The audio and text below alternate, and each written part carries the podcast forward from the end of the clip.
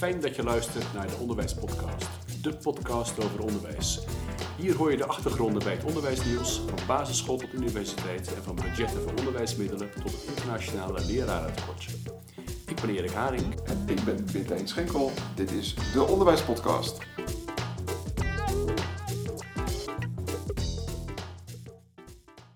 Welkom bij de zevende aflevering van de Onderwijspodcast. En vandaag gaan we het hebben over datagedreven onderwijs. En nou hoor ik je al bijna denken van, ja, data, data, eh, grote bedrijven verzamelen data, Microsoft en Google en Facebook. Ja, daar gaan de haren wel een beetje van overeind staan. Wat moet ik als docent met data? Nou, heel erg veel. Want als je data verzamelt over jouw functioneren als docent, uh, dan heb je een heel mooi aanknopingspunt om jouw docentschap te verbeteren. Daar moet je natuurlijk wel een aantal dingen voor meten. Dat doet uh, Matt van Loo met zijn bedrijf ELO, uh, doet dat ook. Um, daar zitten inmiddels heel veel lesobservaties in. Dus je kunt dan heel mooi zien, uh, als jij als docent wil verbeteren, waar dat dan zou kunnen. En ook waar je als school zou, zou kunnen verbeteren. Dat, dat, klinkt goed, maar ik heb er wel wat vragen bij. Uh, vragen over ja. privacy bijvoorbeeld. Stigmatisering. Ja. Hoe lang blijft zo'n bestand bewaard? Uh, blijft dat me achtervolgen mijn hele carrière lang? Ja. ja. Nou, dat zijn hele mooie vragen. Die gaan we hem stellen. Laten we hem erbij halen. Matt van Loo, uh, oud-docent Nederlands, uh, schoolleider geweest en uh, inmiddels met heel veel andere dingen bezig. maar waaronder een onderneming die zich bezighoudt met docenten data. Dat, klopt toch, Matt? Ja, dat klopt, ja. heel mooi.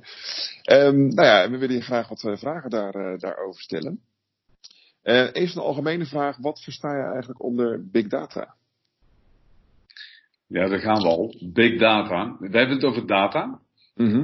uh, wij zijn geïnteresseerd in bepaalde data. Wij vonden, uh, wij, een club adviseurs in het uh, onderwijs, schoolleiders, bestuurders, dat er bijna te veel data waren. Mm -hmm. Ze hebben goede leerlingvolgsystemen. Nou ja, goed, ze hebben grote leerlingvolgsystemen met heel veel input en output ja. data. Mm -hmm. Maar dat is maar een zeer eenzijdig beeld wat je daarmee creëert. Uh, we waren al blij met meer metingen op het gebied van tevredenheid en ervaring van leerlingen, veiligheid, maar die maar dunnetjes. En wat echt ontbrak, dat waren de procesdata. Mm-hmm. Uh, en daar zijn wij eigenlijk op, uh, op ingesprongen. Uh, wij willen meten, niet wat het per se alleen wat het resultaat is, en ook niet hoe leerlingen of studenten een organisatie binnenkomen, mm-hmm. maar hoe uh, wij dan de primaire processen uitvoeren. Dus lessen, ja. gesprekken, begeleidingstrajecten. En ja. daar kun je uitstekende data over verzamelen. Ja, en, en wat zijn onder data gedreven onderwijs? Is dat je die data ook gaat gebruiken in de sturing van het proces? Ja, exact dat. Uh, dus dat je uh, je besluiten baseert op uh, praktijkonderzoek mm-hmm. ondersteund door valide data. Ja. En, en wat brengt het onderwijs dat dan? Um, waarom is het goed voor het onderwijs? Ja, wat wij nu zien, we zijn nu zeven jaar bezig. Uh, laat ik het onderscheiden in een, een, een drie categorieën van data die kennelijk heel belangrijk zijn voor uh, data-driven decision making, om het maar helemaal mm-hmm. van de managementliteratuur ja. te definiëren. Uh, wat wij zien is dat data die uh, voortkomen uit lesobservaties feitelijk meebrengen dat subjectieve waarnemingen uh, door mm. een multi uh, aanpak, dus door ze van verschillende partijen naast elkaar te zetten, mm. niet geobjectiveerd worden, blijven subjectieve data, maar door de, eigenlijk door de vergelijking van die verschillende waarnemingen toch wel degelijk leiden tot inzicht in patronen, bijvoorbeeld ontwikkelpatronen. Ja. Ja. Ik zal een voorbeeldje noemen, als blijft het heel abstract. We hebben ja. de digitale observatietool vrij mhm. snel de conclusie getrokken in samenwerking met de inspectie van het onderwijs in Nederland en in Vlaanderen en in uh, het Verenigd Koninkrijk, dat de scholen die succesvol bleken in gedifferentieerde onderwijsaanpak in ieder mhm. geval één ding in orde hadden en dat is dat lessen per methode en helemaal niet docentgericht waren, maar leerdoelgericht. Ja. en dat kon je gewoon zien. Dus alle scholen die daar succesvol in waren, hadden leerdoelgerichte studiewijzers en lesplannen en andersom. Nou, Dan weet je door de validiteit uh, die je onderzoekt van je data, dat daar dus een, iets op te baseren valt. Met andere woorden, scholen die een stap wilden zetten uh, richting gedifferentieerd onderwijs, maar die mm. bij lange na niet in de buurt kwamen van leerdoelgerichte lessen, die konden wij direct adviseren, die conclusie konden ze trouwens heel goed zelf trekken, om eerst te werken aan andere lesplannen. Dus het zat in de lesvoorbereiding en niet in de uitvoering. We konden ook tegen leraren toen zeggen, logisch dat je het organisatorisch niet voor elkaar krijgt om een les gedifferentieerd aan te bieden. Het zit in je lesmateriaal dat je vooraf maakt en de kennis die je hebt van je leerlingen die je van tevoren genereert. Eh, even puur praktisch. Hè? Dat, dat betekent de besluitvorming die daarop volgt van bijvoorbeeld een schoolleider is om het scholingsprogramma voor de komende twee, drie jaar te richten op specifieke gedragsindicatoren die in de DOT gemeten worden. Ja, en, dat, en dan noem je eigenlijk al drie uh, belangrijke categorieën volgens mij, want het helpt de school als geheel. Um, het helpt de docent in zijn, eigen, zijn of haar eigen ontwikkeling. En um, uiteindelijk, en dat is volgens mij uh, heel belangrijk in het datagedreven onderwijs, uh, verbetert het het leren van leerlingen. Ja. Dus je verbetert de kwaliteit van onderwijs ja. daarmee. Ja, en dat ook aantoonbaar door bijvoorbeeld de beleving van leerlingen te meten. Ja. Heb ik wel een vraag bij uh, Matt, als het mag. Um, het draagvlak bij docenten is een issue dat uh, veel genoemd wordt. We hebben wel docenten gesproken en uh, die reageren toch wel een klein beetje sceptisch over, wil ik dit eigenlijk wel? Hoe zie jij het draagvlak ontwikkelen voor deze manier van aanpak? Met name dat procesgerichte wat je noemt. Ja. Hoe krijgen we daar draagvlak van in de scholen? Ja, kijk, wat wij meemaken nu is eigenlijk het volgende. We hebben al voordat de AVG losbarstte qua wetgeving een besluit genomen om die data eigendom te laten zijn van in ieder geval degene over wie het gaat. Dus als een docent uh, geobserveerd wordt of als een docent metingen uitvoert door 360 graden feedback te, uh, uh, op te vragen bij zijn collega's, bij leerlingen of bij ouders, dan hebben wij meteen een besluit doorgevoerd praktisch ook in onze software, die data zijn van die docent. Of van de schoolleider die een 360 graden enquête uitzet. En dat betekent dat er helemaal geen sprake meer is van issues over draagvlak. Want dat vraagt, draagvlak gaat uit van het idee dat een schoolleider iets bedenkt. En dan uh, medewerking van zijn personeel gaat vragen, gaat organiseren. Uh, wij draaien het om.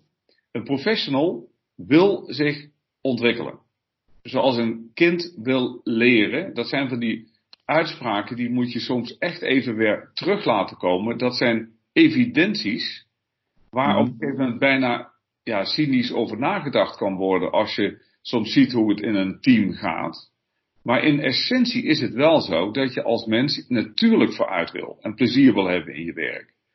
En als je daarvan uitgaat en dan zegt natuurlijk maak je dan een goed plan voor je eigen ontwikkeling en wil je daar een serieuze gesprekspartner over hebben, dan ga je heel anders te werk dan wanneer je zegt een schoolleider die gaat eens even controleren hoe uh, men denkt over het functioneren van iemand. Ja, nee, eens. Dus de sleutel ligt volgens jou bij accountability. Dat een docent zich wil verantwoorden over zijn uh, handelen richting leerlingen, ouders en de, en de schoolleiding. Ja, en daarvoor nog, die docent uh, merkt ook wel als het niet meer gaat zoals het vroeger ging, dat hij gewoon uh, een paar stappen moet zetten. Maar dan, dan uh, haal je het ook zeg maar, uit het hele afreken gebeuren, om maar zo te zeggen. Dus die, uh, die data moet geen afrekentool worden. Maar want dat, dat gevaar zit natuurlijk wel een beetje in. Als jij jouw data kunt afzetten tegen die van jouw collega's, nou ja, dan zie jij als docent van hé, hey, ik, ik functioneer beduidend minder, of misschien juist dan meer. Ja. Um, ligt dat gevaar gewoon niet op de loer dat het een afrekentool dan is? Ja, het is maar net hoe je de tool inricht. Uh, mm. een afrekencultuur is killing voor mm. een uh, professionele feedbackcultuur. Ja, dat lijkt me ook, ja. Dus als je je software zo inricht Nou, we krijgen die vraag ook wel eens. Ik heb een paar weken geleden nog gehoord. Een schoolleider die, die, die zei: Ja, maar ik wil ook gewoon die enquête uit kunnen sturen. als iemand niet goed functioneert. Hebben wij aangegeven: Ja, weet je, dat, dat, is prima, maar dan moet je gewoon een dossier opbouwen en een gesprek aangaan. Maar dat heeft helemaal niks met een ontwikkeltool te maken. Daar, daar kun je hem ook niet voor gebruiken. Juridisch niet, uh, ethisch niet. Uh, maar in, in ons geval ook technisch niet. We, we richten hem zo niet in. Klaar. Nee.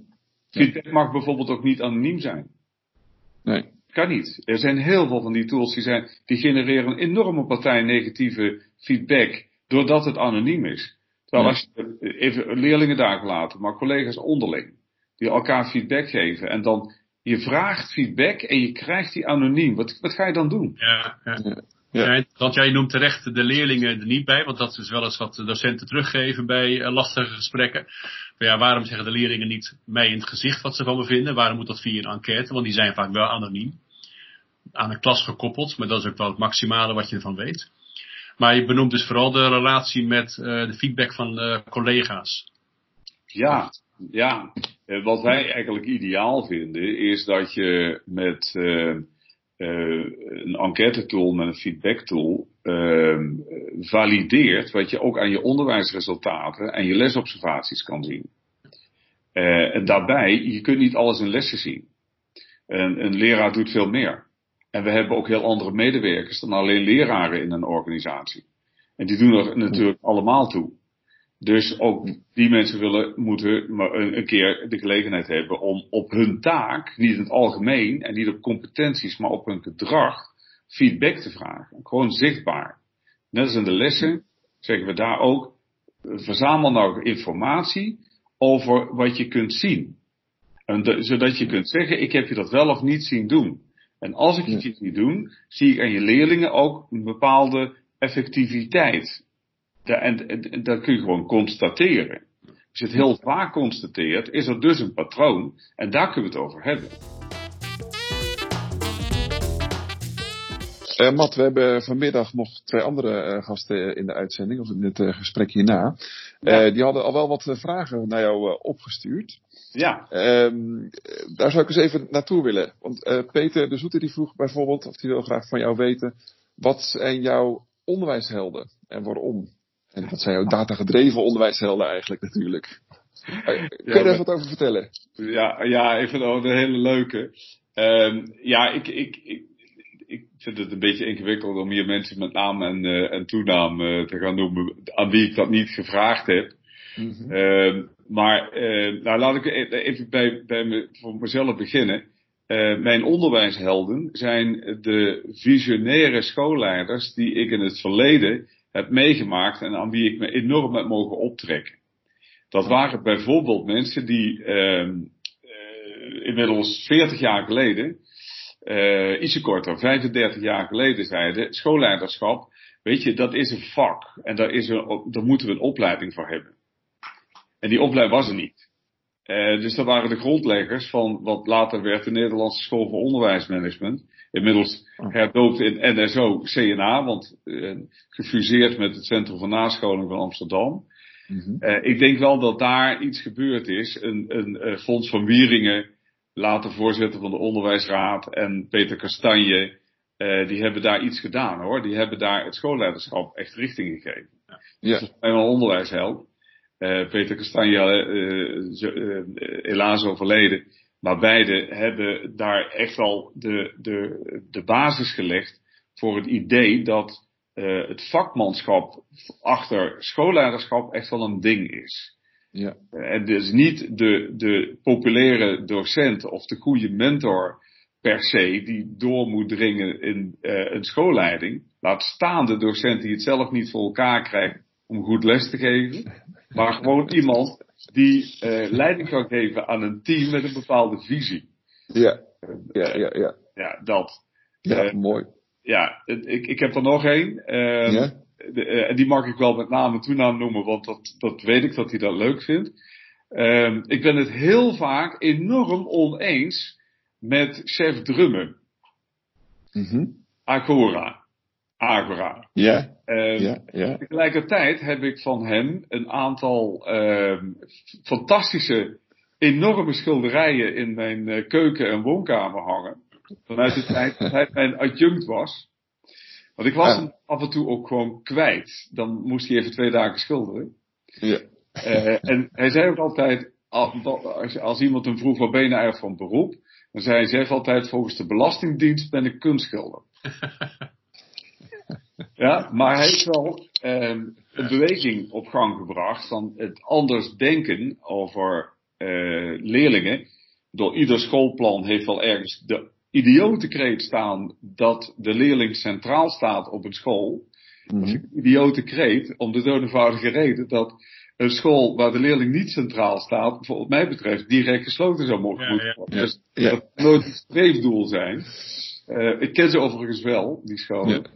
Eh, maar daar gaat de discussie over hoe het personeelsfeestje georganiseerd moet worden en niet. Nou, ja, ja, er inderdaad. Eh, maar Mat, je noemt eventjes een aantal mensen die eh, voor jou geïnspireerd zijn geweest op, op dit pad.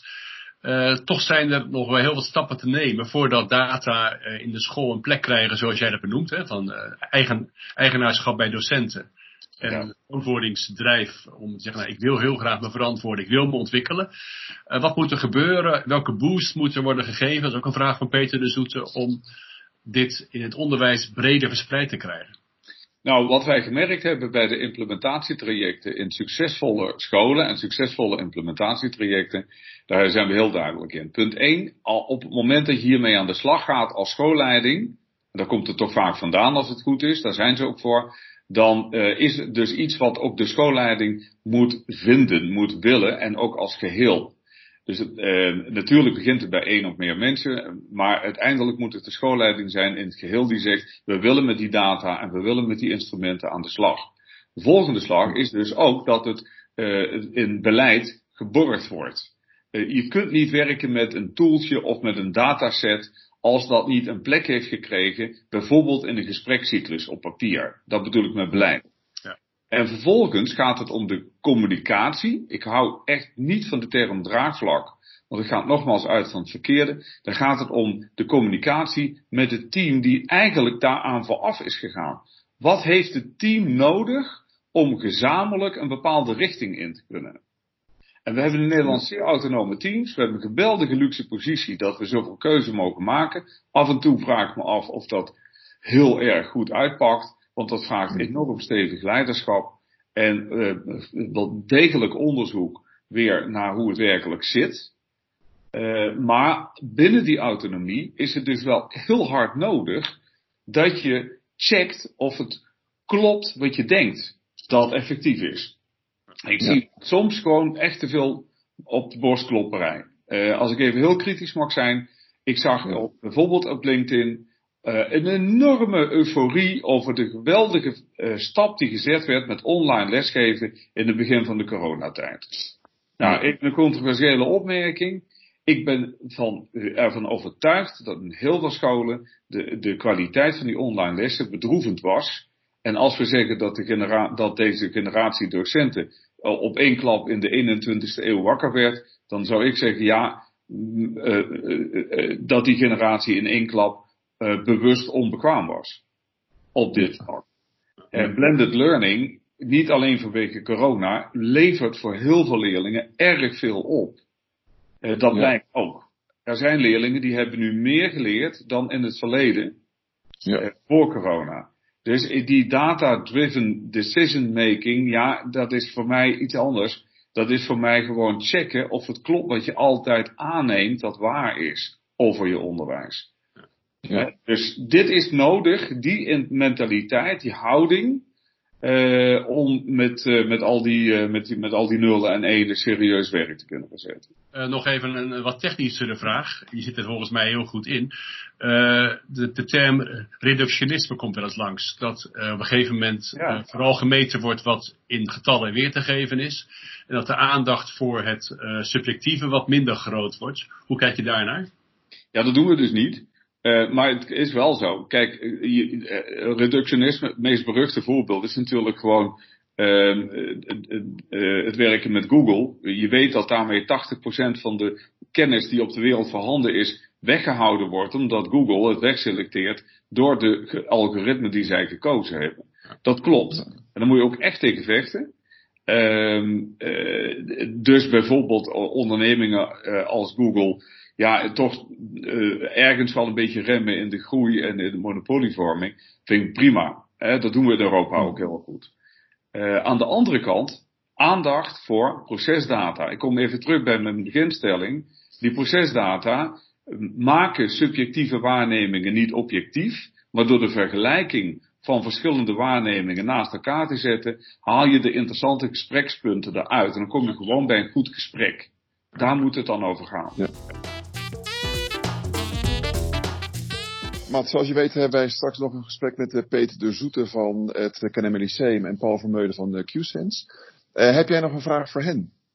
Ja, met name voor Peter de Zoete natuurlijk, want het is een, eh, een, schoolleider van een uh, voor mij uh, inmiddels best bekende school. Mm -hmm. wij zijn daar heel recent al één à twee keer nauw bij betrokken geweest bij hun keuze hoe zij dus aan de slag willen gaan met digitale data en met de tooling die daarbij hoort. Ze zitten volgens mij mm aan de vooravond van het daarmee gaan werken, als ik het team goed beluisterd heb. Ik heb Peter de Zoete toen zelf overigens niet gesproken, maar wel de rest van zijn, zijn team. En ik ben echt heel erg nieuwsgierig naar juist dat punt waarmee ik net begon, van waarom zouden zij gaan werken met digitale data en de instrumenten die daarbij horen. Dus wat is hun doel en hoe zouden ze het willen inzetten? Dan, ik vraag vooral naar doelen die te maken hebben met de verbinding tussen onderwijsontwikkeling, strategisch HR, dus wat verwacht je binnen een jaar of twee eigenlijk van je medewerkers, en kwaliteitszorg. Dus de vraag, hoe wil je het eigenlijk monitoren? Dus ik ben heel nieuwsgierig naar hun gedachten over die driehoek. Ja, ja, nou, mooie vraag. Die gaan we hem uh, zeker voorleggen. Um, Matt, dankjewel tot uh, nu toe voor dit gesprek. Graag gedaan. Um, en uh, nou ja, goed, heel veel succes in de, in de onderneming die, die je runt. Ja, leuk. Dank jullie wel voor de uitnodiging. Ik vond het erg leuk om te doen. En ik ga met veel belangstelling ook deze podcast weer afluisteren. Super. Nou, dat was uh, Matt. Ik heb met uh, veel plezier naar hem geluisterd en ik vond het heel interessant dat hij de link legt tussen doelgericht lesgeven en analyseren van data die beschikbaar zijn in de school. Dus uh, mm -hmm. ja, dat is mooi. Maar goed, hij gaf ook een vraag mee. Hè? Want, uh, hoe gaat een school nou dat werken met datagedreven onderwijs borgen in de school? Ja, nou ja, en wat ik ook heel mooi vond, is dat, dan, dat hij dat in combinatie doet met strategische HR en kwaliteitszorg. Ja, dus hoe implementeer dat nou in de school? Maar hou je wel die, die driehoek goed in stand? Ja, nou dat zijn vragen en die uh, gaan we in onze volgende podcast beantwoorden. Maar dit zijn wel vragen die we moeten meenemen, denk ik. Dat gaan we zeker doen. Tot de volgende keer. Tot de volgende keer.